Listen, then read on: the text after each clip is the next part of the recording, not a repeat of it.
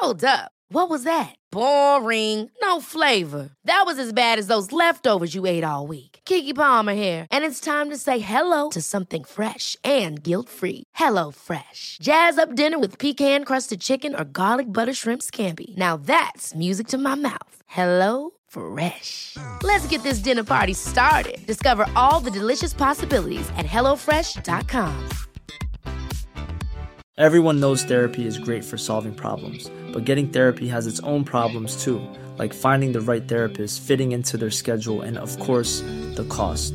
Well, BetterHelp can solve those problems. It's totally online and built around your schedule. It's surprisingly affordable too. Connect with a credentialed therapist by phone, video, or online chat, all from the comfort of your home. Visit betterhelp.com to learn more and save 10% on your first month. That's BetterHelp, H E L P. There's never been a faster or easier way to start your weight loss journey than with PlushCare. PlushCare accepts most insurance plans and gives you online access to board-certified physicians who can prescribe FDA-approved weight loss medications like Wigovi and Zepbound for those who qualify. Take charge of your health and speak with a board-certified physician about a weight loss plan that's right for you. Get started today at plushcare.com slash weight loss. That's plushcare.com slash weight loss. plushcare.com slash weight loss.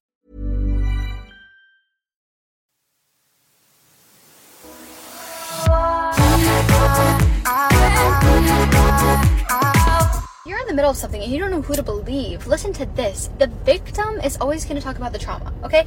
The abuser is always going to talk about the victim. Charlotte skickade det här till mig i morse. Mm. Och jag kollade på det kanske sex gånger först för att få in. Jag tycker det är lite svårt med engelska. jag tycker det är svårt att, jag, jag blir stressad också att jag inte ska förstå. Så då förstår jag såklart inte. Äh, då tänker du bara på det. Nu kommer inte jag förstå. Ja, jag ska inte åka in i lyktstolpen så jag åker in i lyktstolpen. Rakt in. Mm. Men när jag väl tog in vad som sades i Gång detta. alltså, sju du kollar på klippet. Det här tycker jag faktiskt är revolutionerande. Jag håller med och jag eh, kommer bära med mig det. Ja, alltså när jag, när jag sätter mig in i alla situationer jag har hört om, alla situationer jag har varit med och alla reality-situationer jag har sett. Så är det alltså 100% sant. För er som blir stressade av engelska och inte kan ta in information, här kommer det igen. You're in the middle of something and you don't know who to believe. Listen to this. The victim is always going to talk about the trauma, okay? The abuser is always going to talk about the victim.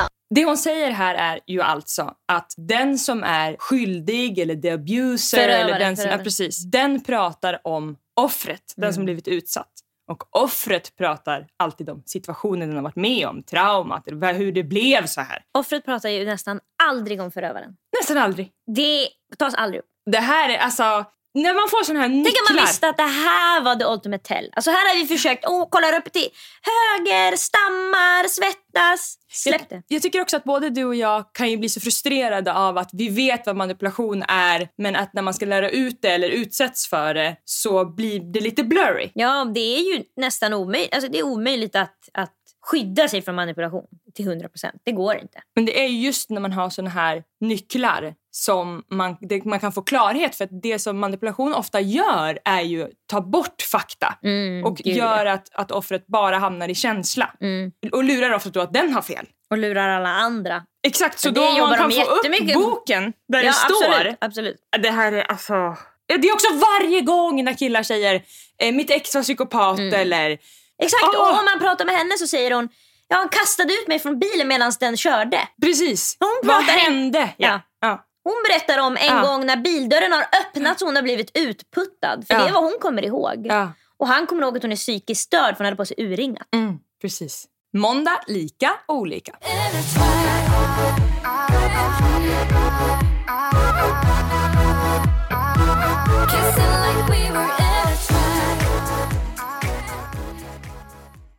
Jag har ju gått till en jobbcoach slash lifecoach för mig Mm. då eftersom att mitt liv är mitt jobb och allt bara är ju en massa av Prestationer. prestationer, liksom, stundtals lite liksom, självhat, psykisk ohälsa men en grund av väldigt mycket glädje i mig. Mm. Och vi hade vårt sista samtal som jag hade bokat med henne så att det var så här, nu ska vi wrap it up.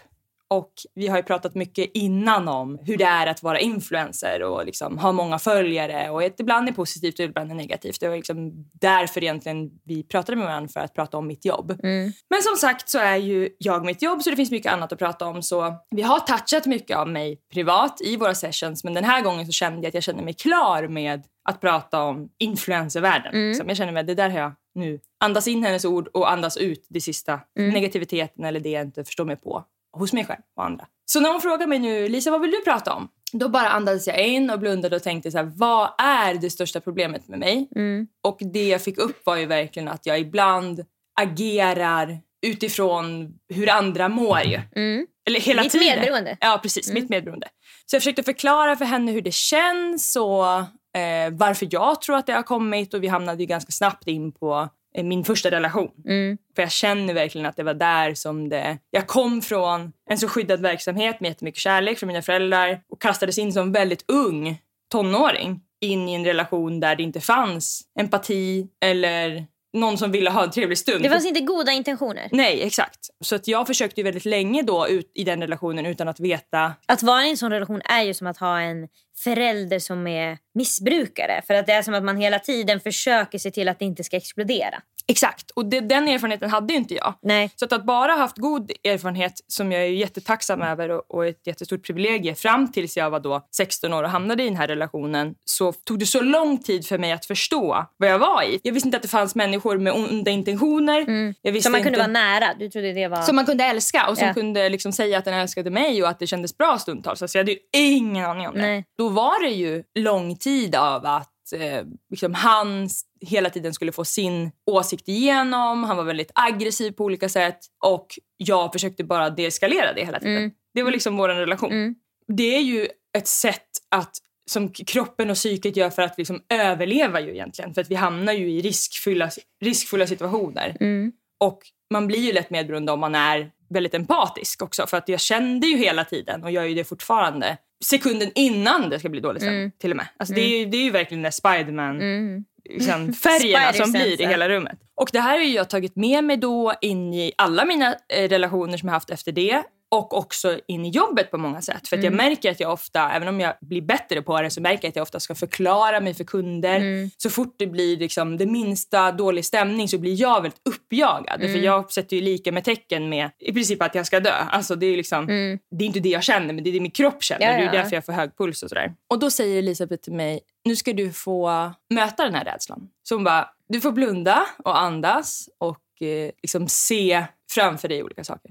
Det här måste jag också säga, för det här är ju någonting som kommer upp mycket på min TikTok. Att folk säger att antingen kan man se saker i sitt huvud eller inte. Mm. Nu har inte jag gått in i det här vetenskapligt. Nej. Men jag tycker faktiskt att det är bullshit. Jag Jaha. tror att det handlar bara om att vissa inte förstår hur man ser. Eh, För jag, jag känner att jag är en person i fall som ser bilder, men jag ser ju aldrig bilder. jag tror så här. Om man är en person som inte kan se bilder Mm. så fattar man inte hur dåligt vi som kan se bilder ser bilder. Det är det jag menar. Därför tror jag att vi alla ser samma. Ja, det kan vara så. att när man säger att liksom, ah, tänk dig nu att det är, det är inte så att man ser det på riktigt. Det är ju Nej. det är verkligen... Man ser det jättetydligt men man ser det inte alls. Exakt, det är inte så att det kommer upp på en skärm. Man ser en tanke. Det är inte en hallucination. Exakt. man ser en tanke och Ja. kan man se en tanke? Nej. Ja, Så men man kan ju se vad det är för färg, det för man vet i sitt huvud. Sammanfattningsvis, ingen ser någonting. Exakt. Vilket innebär att alla kan se. Ja. det- jag förstår att det känns så. Men, men, och jag sitter i exakt samma båt som dig. Jag har Mm. jättelätt att se bilder. Men om någon, alltså jag ser absolut ingenting. Det är bara svart, det är bara Ja. svart, lite mörkrött. Insidan av mina ögon kallas det. Exakt. Ögonlock. det. Men sen kan man tänka då på den här korridoren som jag skulle göra. Exakt. Där det skulle Man vara flera dörrar. Och så frågade hon, vilken dörr står det rädsla på? Och då kände jag, fuck, det är verkligen dörren rätt till höger. Min närmaste dörr. Det är dörr nummer ett. Hon frågar mig hur ser den här dörren ut och jag berättar att jag är i en jättelång korridor. Det är nästan som ett sjukhus eller liksom en, så här psyksjukhus på, i en skräckfilm nästan. Mm. Alltså det är ganska mörkt, det är dunkelt. Det är bara såna vanliga trädörrar med liksom ett eh, kromat litet handtag. Det är Mm. ingen som har lagt några pengar i den här korridoren. Mm-hmm. Utan det är bara dörrar in till olika saker. Gud vet! Men jag ska i alla fall gå in i den högra dörren Mm. närmast mig. Och jag har redan gått in när hon frågar, vågar du gå in? då... Vågar du gå in? Lisa har redan varit inne och brottats med monster i fyra minuter. Ja, så jag står redan där inne och hon frågar mig hur ser det ut. Och Det är ett väldigt litet rum. Det är inga möbler, men det är ett litet fönster ut. Jag skulle säga att det kanske är tre gånger tre kvadratmeter. Mm. Två och en halv gånger tre och en halv. Lite rektangulärt. Och Det är en sån här plastmatta. Brun, spräcklig. Liksom. Linoleum. Ja, verkligen sån landstingsmatta som är på olika sjukhus. Mm. Det är en liten trälist runt hela som är liksom skitig. Det är aldrig. Men någon som gud har vilka den. detaljer. Alltså, jag skulle bara sett en, en jävla låda. Kanske för att inte du ser några bilder. När...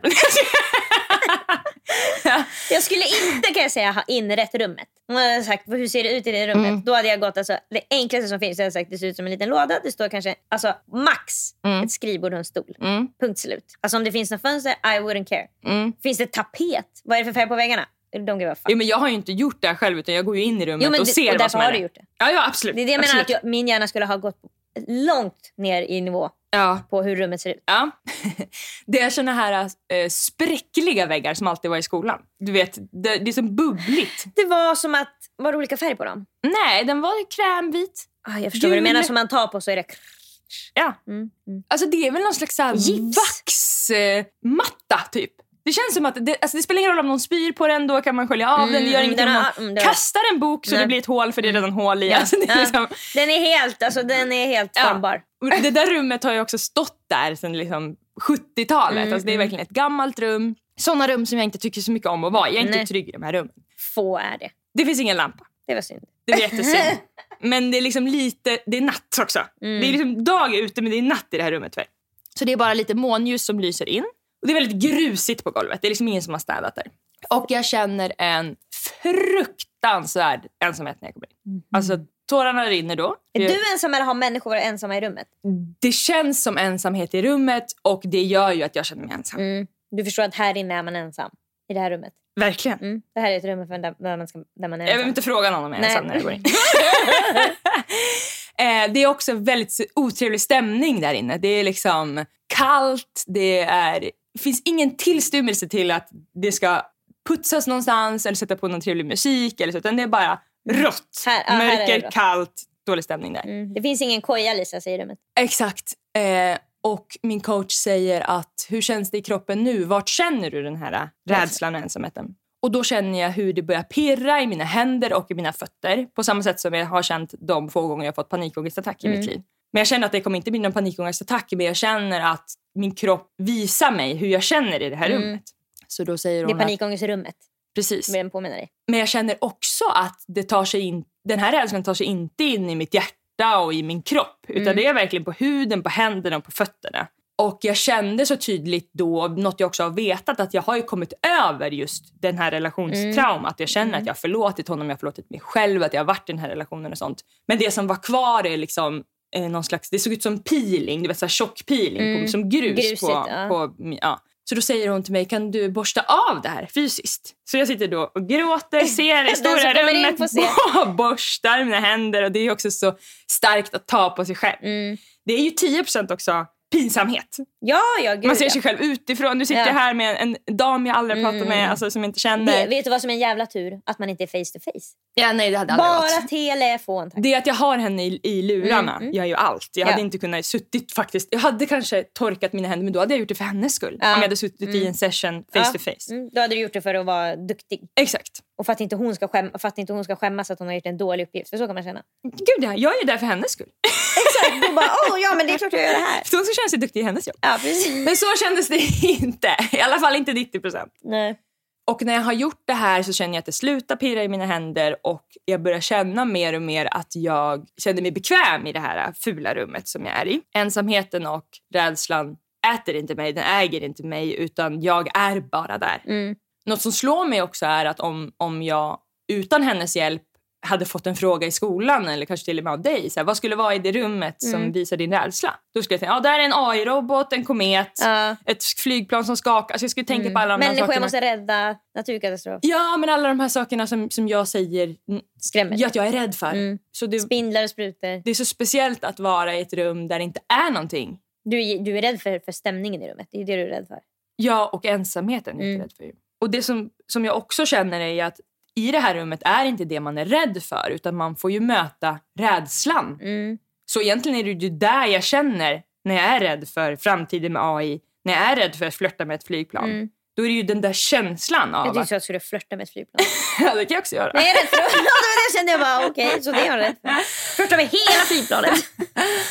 Det är ju den där rädslan av att vara ensam, att inte vara förstådd och att det inte ska vara tryggt. Det slog mig också när rädslan försvann mer och mer att när, man kan inte bli räddare än räddast. Mm. Så när man blir så rädd som man kan vara så försvinner det efter ett mm. tag. Mm. Det är som att du måste nå botten för att kunna börja kräla upp. Till slut så bryr man sig ju inte. Det var som när vi med. Det är ju så att vi kan vara så himla rädda för känslor men det värsta som kan hända är att du känner känslan. Det blir inte värre än så. Nej, och... Men man tror på något sätt att det ska bli sån jävla panik så att man ska dö eller man ska mm. explodera. Det ska bli för mycket. Men du kan liksom inte känna för mycket. Det är faktiskt nästan som en träning. Det är häftigt när man några gånger i sitt liv har hamnat på den ultimata rädslan. Jag kände att jag gjorde det när vi var med i tv-programmet Jagad av hundar. När jag blev lämnad åtta timmar i det här tältet mm. när du och vår kompis Ida skulle fortsätta tävla för att det var som att jag, vi gjorde tre olika uppgifter och jag valde att lämna i första. Mm. Så att man, en var tvungen att lämna i varje uppgift så jag valde första. Mm. Och hamnade åtta timmar i tält och vi förstod inte konceptet vi var med i utan vi var ju nedflygen till Litauen. Kommer du ihåg Lisa att ditt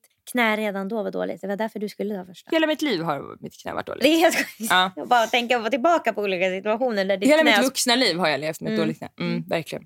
Det har verkligen varit min verklighet. Som jag har klagat lite på. Nästan ingenting. Då förstod inte vi konceptet så jag tänkte ju att jag är filmad nu. Jag kollade efter kameror. Alltså man blev ju så paranoid. Mm, det var också mm. mitt i natten och vi var 24 år. Jag, jag satt ju också i det där tältet väldigt länge. Jag vet inte, jag tror För du lämnade ju då i, i uppgift två.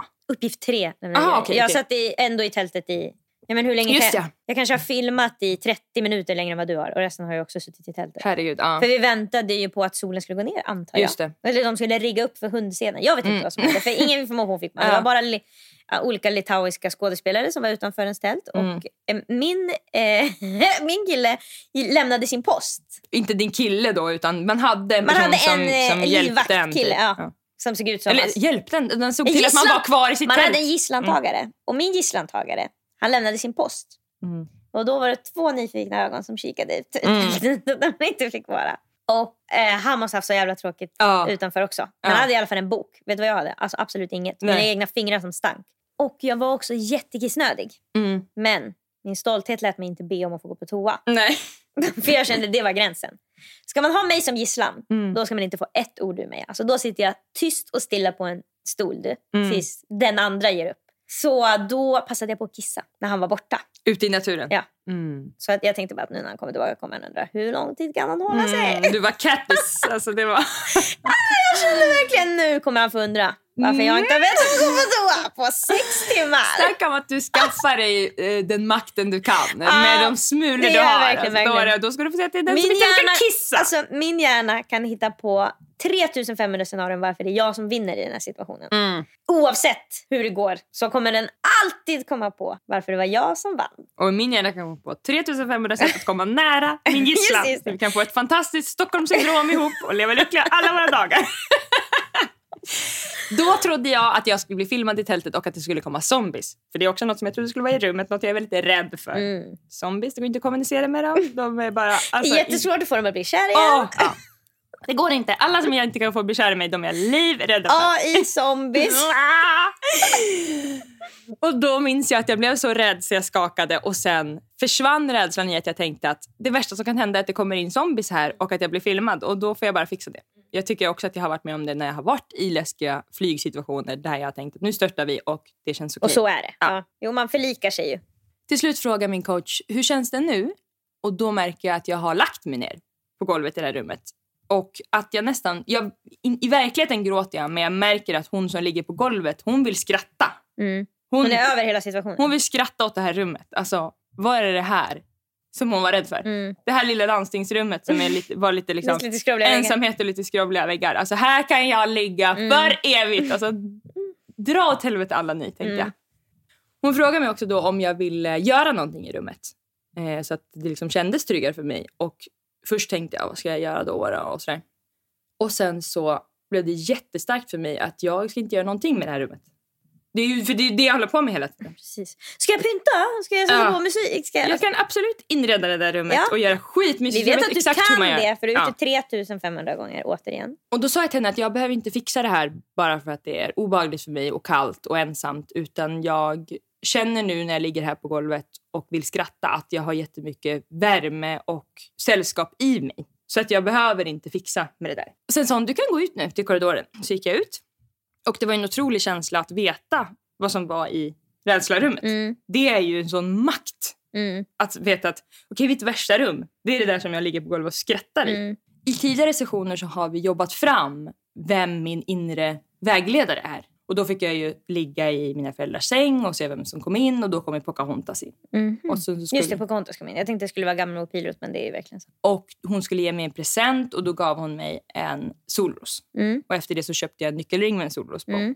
Från min coach uppmaning. Mm. Så därför nu när jag kommer ut ur det här rummet så säger hon till mig att eh, vad säger din solros till dig nu? Mm. Och då tänker jag att den säger ingenting. Men däremot nu när jag, för till vänster om mig Den är solros, den kan inte tala. så är det ett fönster. Så nu plötsligt ser jag ut på vänster sida och då ser jag bara en skälk. Så då förstår jag, okej, Oh, den vilken är lång solros. hur stor som helst. Så jag kryper ut ur fönstret och jag kan klättra upp för den här Det blir skälken. Jack och bönskälken, vad heter den? alltså den är över molnet, på mitt bästa ställe. Jag vill bara ligga i säng Just över det, är det molnen hela tiden. Så jag klättrar upp, kommer liksom, kan klättra förbi de här vackra gula bladen och så lägger jag mig på det här stora bruna Mm, mm. som ju ser taggigt ut men alltså det är så mjukt och det doftar så gott och det är varmt från solen. Mm. Luktar solrosor? Jättegott! Aldrig luktat på dem. Alltså väldigt speciellt, inte gott som en lilja Nej. men den doftar växthus och Mm. Alltså, s- samma, Nästan gröna växter luktar bäst. Alltså när man har bry- råkat bryta av ett blad på något. verkligen. Tomatplant, alla de där luktar så Ja, men det, alltså, det är det jag skulle säga att det är som en tomatblad. Mm. Som när man tar det mellan fingrarna Mm. och doftar. Det är Mm. den slags. Det är inte blomma. Nej. Det är verkligen grönska och liv. Mm. Och jag får ligga där och bara ha solen över mig som värmer mig. Och då säger min coach att det är den här känslan som du ska leta efter. Den här lusten och kärleken. Och det är när du känner den som du kan ge av dig själv. Och som Mm. du ska, Det är då du ska pynta. det är då jag ska pynta. Och om jag däremot pyntar av rädsla, då är det fel. Det är Mm. då jag ska ge, alltså, jag ska ge mig själv en sista gång. Ge en hand eller Mm. säga någonting. Sen ska jag lämna. Sen Mm. får den situationen Mm. komma till mig. Och då började jag direkt säga, jo men vadå, tänk om det är blandat, det är en samarbetspartner som jag vet gärna vill jobba med men de har Mm. varit otrevliga eller inte förstått mitt sätt att jobba. Eller... Precis som vi gjorde i podden för några avsnitt sen så fick vi fram våra inre sabotörer. Mm. Kommer du ihåg det? Jag Mm. hade att jag var the controller. Ja, jag skjuter upp saker. Precis. Gömmer mig. Och då sa hon, nu är det din controller som pratar med dig. Mm. Den försöker säga till dig att du får visst pynta när du är rädd. Mm. Ja, det är jag som kontrollerar Och här. hon sa att så fort den pratar med dig, det är då du vet att du ska ge det sista och sen gå. Mm. För att, att den pratar med dig betyder att du är rädd. Ja. Annars behöver du inte Annars skulle så. den aldrig klivit in. Den kommer bara när man drar i nödbromsen.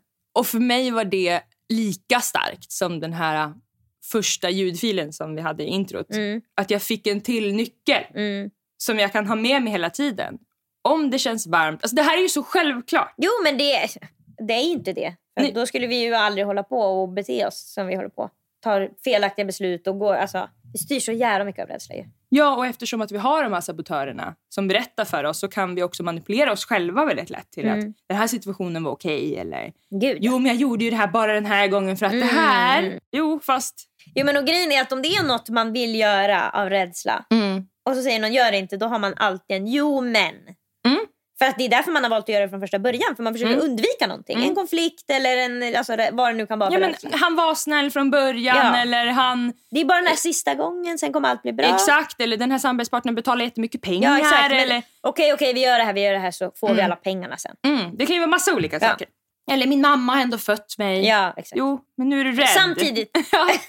Och då räcker det med att man säger jag vill ha en god relation med dig när du är redo. Mm. Sen behöver man inte göra mer. Nej, sen kan man gå därifrån. Ja. Då får kom komma efter en. Fan vad svårt det är.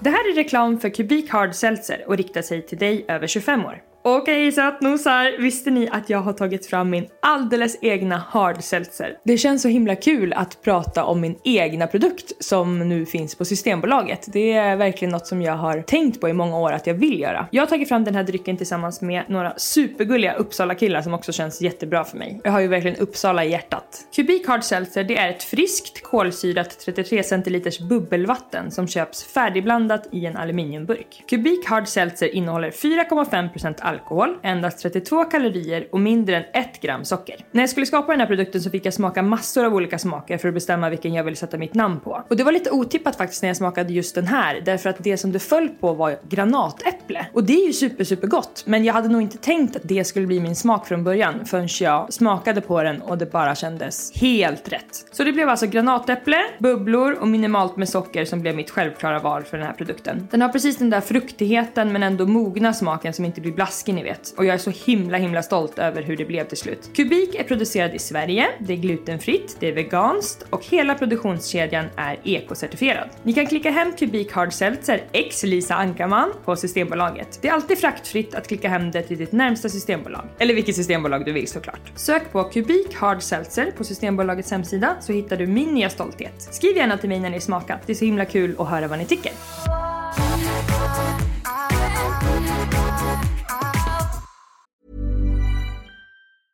A lot can happen in three years, like a chatbot may be your new best friend. But what won't change? Needing health insurance. United Healthcare Tri Term Medical Plans, underwritten by Golden Rule Insurance Company, offer flexible, budget friendly coverage that lasts nearly three years in some states. Learn more at uh1.com. When you're ready to pop the question, the last thing you want to do is second guess the ring. At Bluenile.com, you can design a one of a kind ring with the ease and convenience of shopping online. Choose your diamond and setting. When you find the one, you'll get it delivered right to your door. Go to Bluenile.com and use promo code LISTEN to get $50 off your purchase of $500 or more. That's code LISTEN at Bluenile.com for $50 off your purchase. Bluenile.com code LISTEN. Everyone knows therapy is great for solving problems, but getting therapy has its own problems too, like finding the right therapist, fitting into their schedule, and of course, the cost. Well, BetterHelp can solve those problems. It's totally online and built around your schedule. It's surprisingly affordable too. Connect with a credentialed therapist by phone, video, or online chat, all from the comfort of your home. Visit betterhelp.com to learn more and save 10% on your first month. That's BetterHelp, H E L P.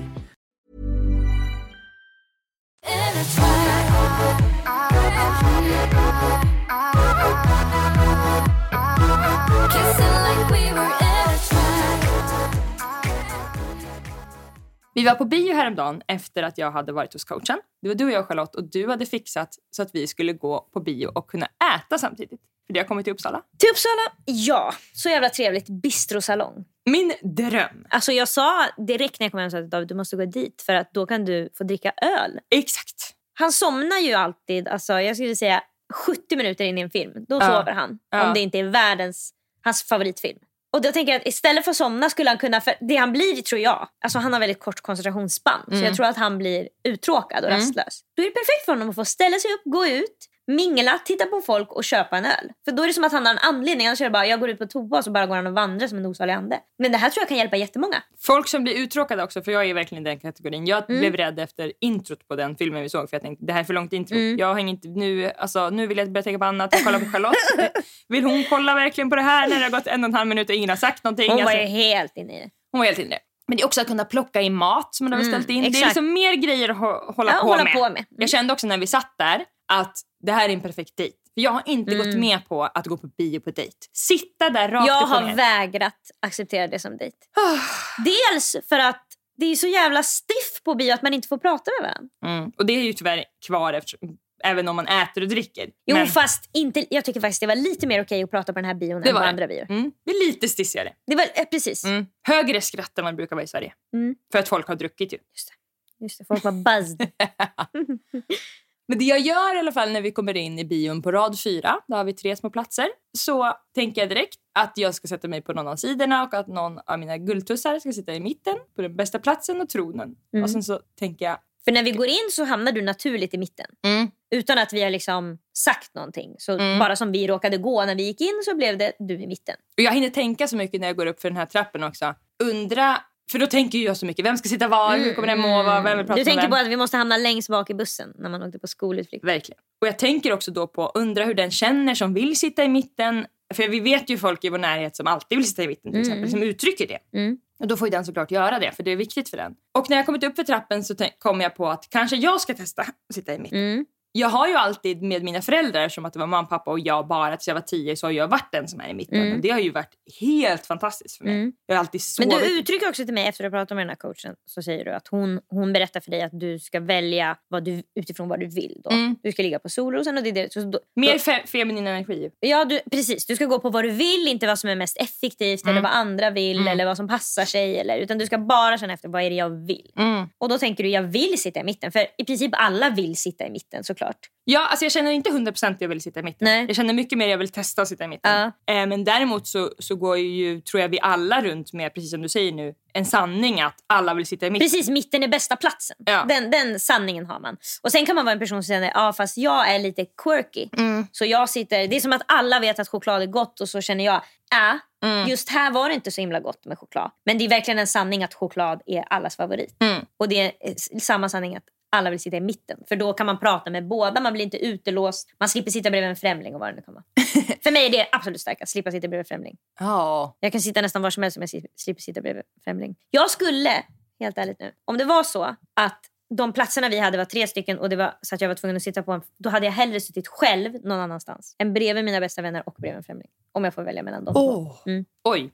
Jag har ju, precis som alla andra människor, slagits av tidigare i mitt liv att jag kanske ska testa det här, den här bästa Mm. grejen framför andra människor. Men jag agerar ju aldrig på det. Nej. För att jag känner mig inte särskilt intresserad och jag får mycket mer utbyte av att någon annan får göra det. För jag blir helt ärligt gladare av att någon annan får någonting än att jag får det. Och det har jag känt innan jag var i den här relationen. Mm. Så det är ju något jag har i min personlighet från min födsel troligtvis som blev triggat av att vara i den här relationen Mm. som har skapat medberoende. Men efter pepp från den här coachen så säger jag ändå till er att jag, nu ska jag testa här och sitta i mitten. För det har jag nog aldrig gjort. Mm. För det egentligen slår mig då. Jag att jag kan, aldrig inte, jag kan inte komma på ett tillfälle när vi har varit tre och du har suttit i mitten. Nej, så då gör jag det. Sätter mig där. Känner direkt ett extremt obehag. Alltså, Du satt dig på värsta platsen. Jag har satt mig på den bästa platsen med det största ansvaret. Ja, helvetes jävlar. jag där. Jag känner bara, hur, alltså. Det känns som när jag och vår kompis Hanna är på ett jättestort badland i Turkiet vid 14 år. Mamma och pappa har betalat det här fast det är lite för dyrt. Mm. Och vi blir inkastade, vi har precis gått från tweenies Mm. till, eller är 14 tweenie. Vem vet, men ni har gått från... Vi, Vi har gått från 10, 11, 12. vi, vi är också ganska sena, så vissa, för vissa kanske det hände tidigare, men vi är ungefär som vanliga 12-åringar. Så är det. Vi vill tugga tuggummi. Jag ser ut vi som vill, 14 men jag vi är vill 12 i kanske, precis, vi, vi vill kunna säga i en grupp att vi vet hur alkohol smakar. Verkligen. Vi vill egentligen inte smaka det, men vi vill kunna säga till några killar på stranden att vadå, ja, alltså typ vodka, ah, det är okej. Det jag känner nästan starkast är att jag vill bråka som en vuxen. Alltså jag vill testa. Så här, gå fram, säga något. Just det. Det höll vi på med jättemycket.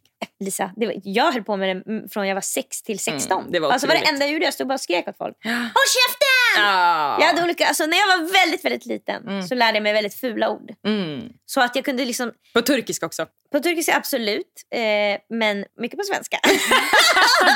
jag var verkligen så att jag kunde ropa jävla kuksugare när jag var liksom sju år. Ja. Oj. Jo, jo. Och vet du vad jag gjorde mest? Nej. Stod bredvid en kompis och matade sådana, viskade ropa vitslingar. Men det där sa du aldrig till mig. Nej, men, tror du du var den som stod och skrek? Nej, det var Nicole. Precis, men det där var ett annat gäng än mig. För jag sa aldrig så det där hårda. Jag, du sa aldrig sånt där hårt runt mig. Men absolut, jo, jo Lisa, du, du måste ha blockat ur det här. Jag hade rövslickare, fittslickare och Okej. kuksugare. De tre Okej. hade jag som vapen sen jag var sex år. Gud vad jag känner att jag hade typ skitunge. Ah, nej, nej, nej, det var verkligen kuksugare. Mm. Jävla kuksugare! Fan, efter jag, alltså, mitt vokabulär kom ju bara från Astrid Lindgren. Och sen fick du säga vad du ville på sidan. Jag kommer prata med Abbe i Madicken och du får säga vad du vill.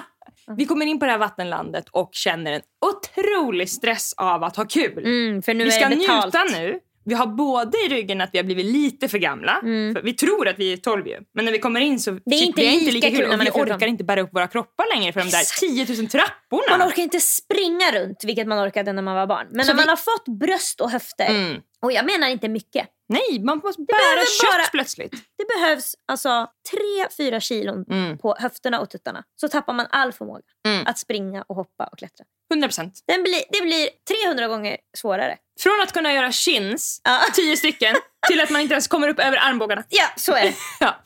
Det hände oss och vi var tvungna att ha kul och det var inte kul. Nej. Jag slungas tillbaka till det när jag mm. sitter i biostolen. Mm.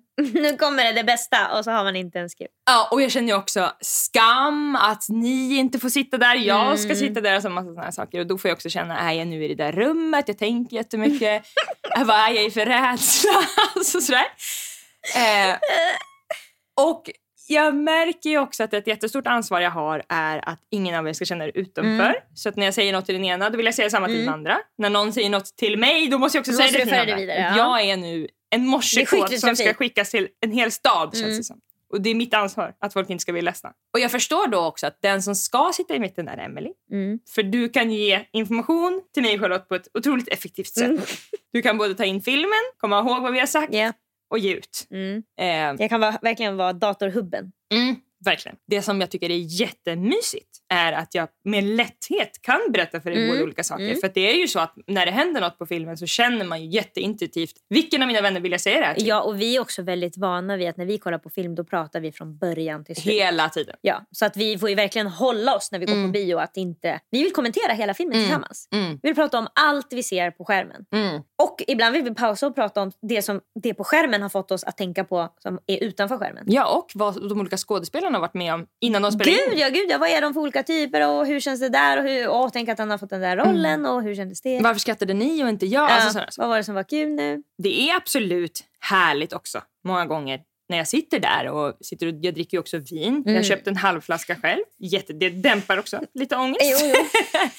Men det är också jättemysigt att, att ni båda kan sorka er mm. i mina öron. Mm. Så jag tycker det är härligt samtidigt, som jag, också tycker att det, ja, men samtidigt som jag också tycker att det är stort obehagligt. Stort ansvar att vara sorkmamma. Man måste två sorkar. Och det jag landade i när sluttexten kom är att det är inte så mycket rädsla jag känner när jag sitter där. Utan det är jättemycket känslan av att jag vill att ni ska ha det bra och att det där är inte är så viktigt för mig. Mm. Och jag vill ha man rätt måste person på rätt sina, plats. Man måste välja sina... Det där, man kan ju bli så fuckad av att alla vill sitta i mitten och då tror man att man själv vill det fast man inte vill det. Mm. Som all, alla vill åka på charter, jag åker på charter och känner bara ta hem mig. Men tänk vad viktigt för mig. Nu vet jag att... Man måste testa. För jag har känt att det inte är viktigt för mig. Mm. Och det har ju varit också något som jag myser och skryter mm, med att säga. Och liksom så. Det är en del av mig. Nej, och jag inte ska jag. Person, ja. Men det är faktiskt sant. Att det ger mig ingenting. Det, eller så här, det ger mig någonting men det det ger mig är inte värt det som det kan ge någon annan. Mm. Eller det som, den negativa känslan som mm. jag också får. Mm. Det ansvaret är jättestressigt för mig. Det var inte din favorit? Nej, det var inte min favorit. Jag vill då mycket hellre dra i din arm och säga vad sa Charlotte? Mm. Eller och när du glömmer säga, för det kan du verkligen göra. För du, du får inte dåligt samvete att sitta i mitt. Absolut inte. Nej. Jag tänker aldrig på att någon av dem på sidorna ska vara... Jag, jag också tänker ju mycket, mycket mer än vad du och Charlotte gör på att inte störa mm. övriga i salongen. Så att jag försöker ju verkligen nästan hålla upp handen när Charlotte kommer med sjunde grejen på en minut. Och, äh, stopp, nu kommer folk bli arga snart. Mm. Det kommer vända sig om små huvuden och det får jag panik Vad bra vänskapsval du har gjort. ja, alltså det där, jag kan verkligen fundera på hur fan det är jag, som gör att jag dras till den där jävla snackpåsar, mm. entertainers. Jag borde verkligen inte göra det. Det, det. borde vara att jag inte vill umgås med dem. Jag tror mm. att det är flera olika saker. Mm. Jag tror att det är bland annat att du får vara smart. Absolut. Det är För du har ju valt alltså, partner och mm. vänner utifrån är... folk som inte är bra på samma sak som dig. Absolut. Mm. Jätteskönt för dig. I den kategorin. Mm. mm. Nummer två så tycker du om att bli underhållen. Mm. Du tycker om att skratta. Mm. Du tycker om när det händer grejer. Jo, Men du behöver inte göra det själv. Nej, jag har, ibland kan jag faktiskt tänka på att jag sitter i en sitt som många skulle... Alltså, när jag ska gå på olika fester. Jag kommer dit och folk säger åh vilka fina kläder. Mm. Då säger jag bara eh, jag har varit i Lisas garderob. Och då tänker jag på hur många som skulle vilja gå in där och få mm. hjälp att välja ut en outfit. Och jag kommer in där surmulen. och säger, ja, det är som att jag är sur på festen mm. som har tvingat mig nu att klä på mig. Mm. Sur på dig som kommer med 18 förslag på vad jag ska ha på mig. Sur på alla kläderna. Ja. ja uppskattar det ju. Och egentligen så kommer känslan från att du inte känner dig fin. Och det är det du är sur på. Ja, ja det är precis. Det är, är därför jag är sur på festen som tvingar. Alltså, jag vill bara sitta i mina egna mjukiskläder. ja. Festen. Och den känslan kan alla känna igen sig i. Absolut, men de flesta skulle kanske dölja den lite bättre och vara lite mer tacksamma. Ja.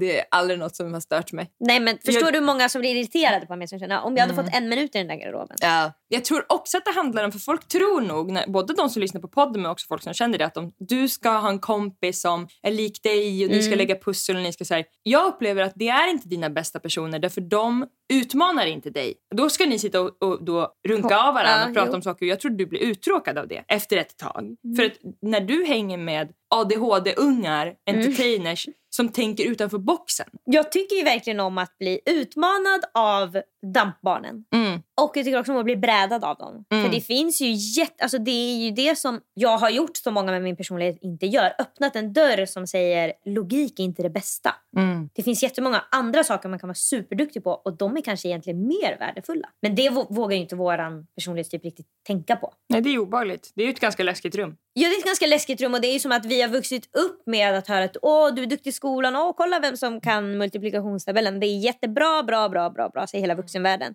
Bäst säger de, det här är det enda, åh, du kan plugga vidare, du kommer bli en framgångsrik person, lycklig, rik, allt kommer bli jättebra. Samtidigt som de säger, åh, de där som sitter längst bak i klassen och kastar sudd, de, det är dåligt, dåligt, dåligt, dåligt, influeras ingenting av dem. Och då är det som att det, eh, det krävs att man råkar bli bästis med en som satt längst bak för att man ska öppna dörren att de personerna har något annat och det är också värdefullt. För att vi blir ju inte direkt matade med att... Oh, det, alltså det är absolut att det är viktigt att kunna vara social, det är ju positivt. Och att man kan skärma folk och att man kan få folk med sig. Men det är inget som det pratas särskilt mycket om. Det är en jättesnäv social förmåga som är okej för att man ska inte vara för högljudd. I Sverige framförallt. Precis, precis ja. Mm. Eh, alltså, är man i, i, alltså är man i USA, Ja, då, då, då, är ju jag nog- dämpad. Mm, mm, ja, då, gud ja. Och ja. Så att i vår kultur framförallt Mm, ja så då, är det då ju... ska man inte vara för mycket. Nej. Man ska inte prata med mat i mun, man ska inte liksom hålla på och pilla på så mycket, man ska inte fråga heller så mycket Nej. privata frågor och man ska inte gå in i andra personers bubblor. Nej, gud. Man ska verkligen mind your own business. Det gillar ju dock inte du när folk gör på dig. Går in i mitt rum. Gå in i din bubbla. Det ska de hålla sig långt borta från min bubbla. Men grejen är att jag har inget... Jag har ju den där oförlösta intervjuobjektet. Mm. Som sitter i, morgonsoffor. Mm. Eh, Absolut ingen morgonsoffa förresten. Jag sitter bara i kvällssoffor när jag fantiserar. Mm. Det är bara Jimmy Kimmel, alltså det är bara de där som ska fråga mig frågor. Och hur Mm. det råkade bli så att jag råkade bli världens mest eh, kända skådespelerska som alla ville jobba med. Och nu Mm. ska jag berätta hur det gick till då. Som också ju har helikoptercert och är jättebra på typ fäktning. Ja exakt. Och så och det som alltid är ju att det ska vara precis på samma sätt som jag råkar hamna i din garderob. Ska som, oh, nej jag vill inte vara här, det råkar bara bli så. Ja. Jag har ju aldrig velat vara känd, nu bara sitter jag här. Men ni alla vill ju ha mig. Ja precis, men folk tjatar så man får väl vara med. Ja, så att jag vill ju ha frågor, men jag tycker inte så mycket om att berätta vad jag jobbar med. Nej. Och jag tycker inte heller så mycket om att, alltså liksom sådana där vardagliga saker. Tycker jag. jag tycker inte om småprat är ju verkligen alltså, Mm. 0,00 intressant för mig. Och därför är ju vi också perfekt, vi entertainers. Mm. Och liksom yviga, gula personligheter. Mm. För det är väldigt lite kallprat med oss överlag. De som är så. Jag försöker tänka nu, därför att jag upplever att du och Charlotte småpratar 500 gånger så mycket som jag gör. Men det gör ni med andra ja, personer. Gud ja, därför att vi kan lägga på den. Jag tycker inte att det är obehagligt. För mig är det en jättehärlig sketch där jag och en annan person bara visar att vi ser varandra. Mm. Och vi tycker om varandra. Det är bekräftelse bara vi håller på med. Verkligen. Men jag tycker ofta mig höra ADHD-diagnostiserade människor, entertainers, yviga, skrikiga personer direkt berätta i morse bajsade jag på mig. Mhm, och ja. det, då hamnar man ju i... Eller har du bajsat på dig någon gång? Kan man få fråga? Då är, ja, Jag är mycket mer intresserad av frågan, har du bajsat på dig någon gång? Eller vad jobbar du med? jag menar det. Men det är svårt i en kallpratssituation att ställa den frågan. Då måste man ju vara Då break the NPF. ice. Ja, break it. Alltså, det här handlar inte om att krossa, det här handlar om att krossa isen och hela, flod, alltså hela sjön. Maila oss på likaolikapodden.gmail.com och ge jättegärna podden fem stjärnor i din poddapp. Hej då! Hej då! I know I shouldn't have kept you waiting, but I'm here now.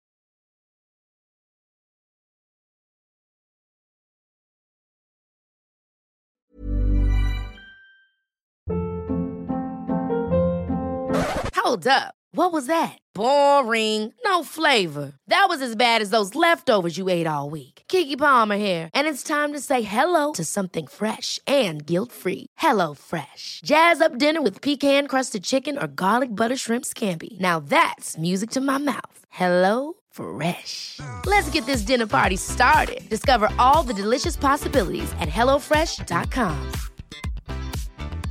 Even when we're on a budget, we still deserve nice things.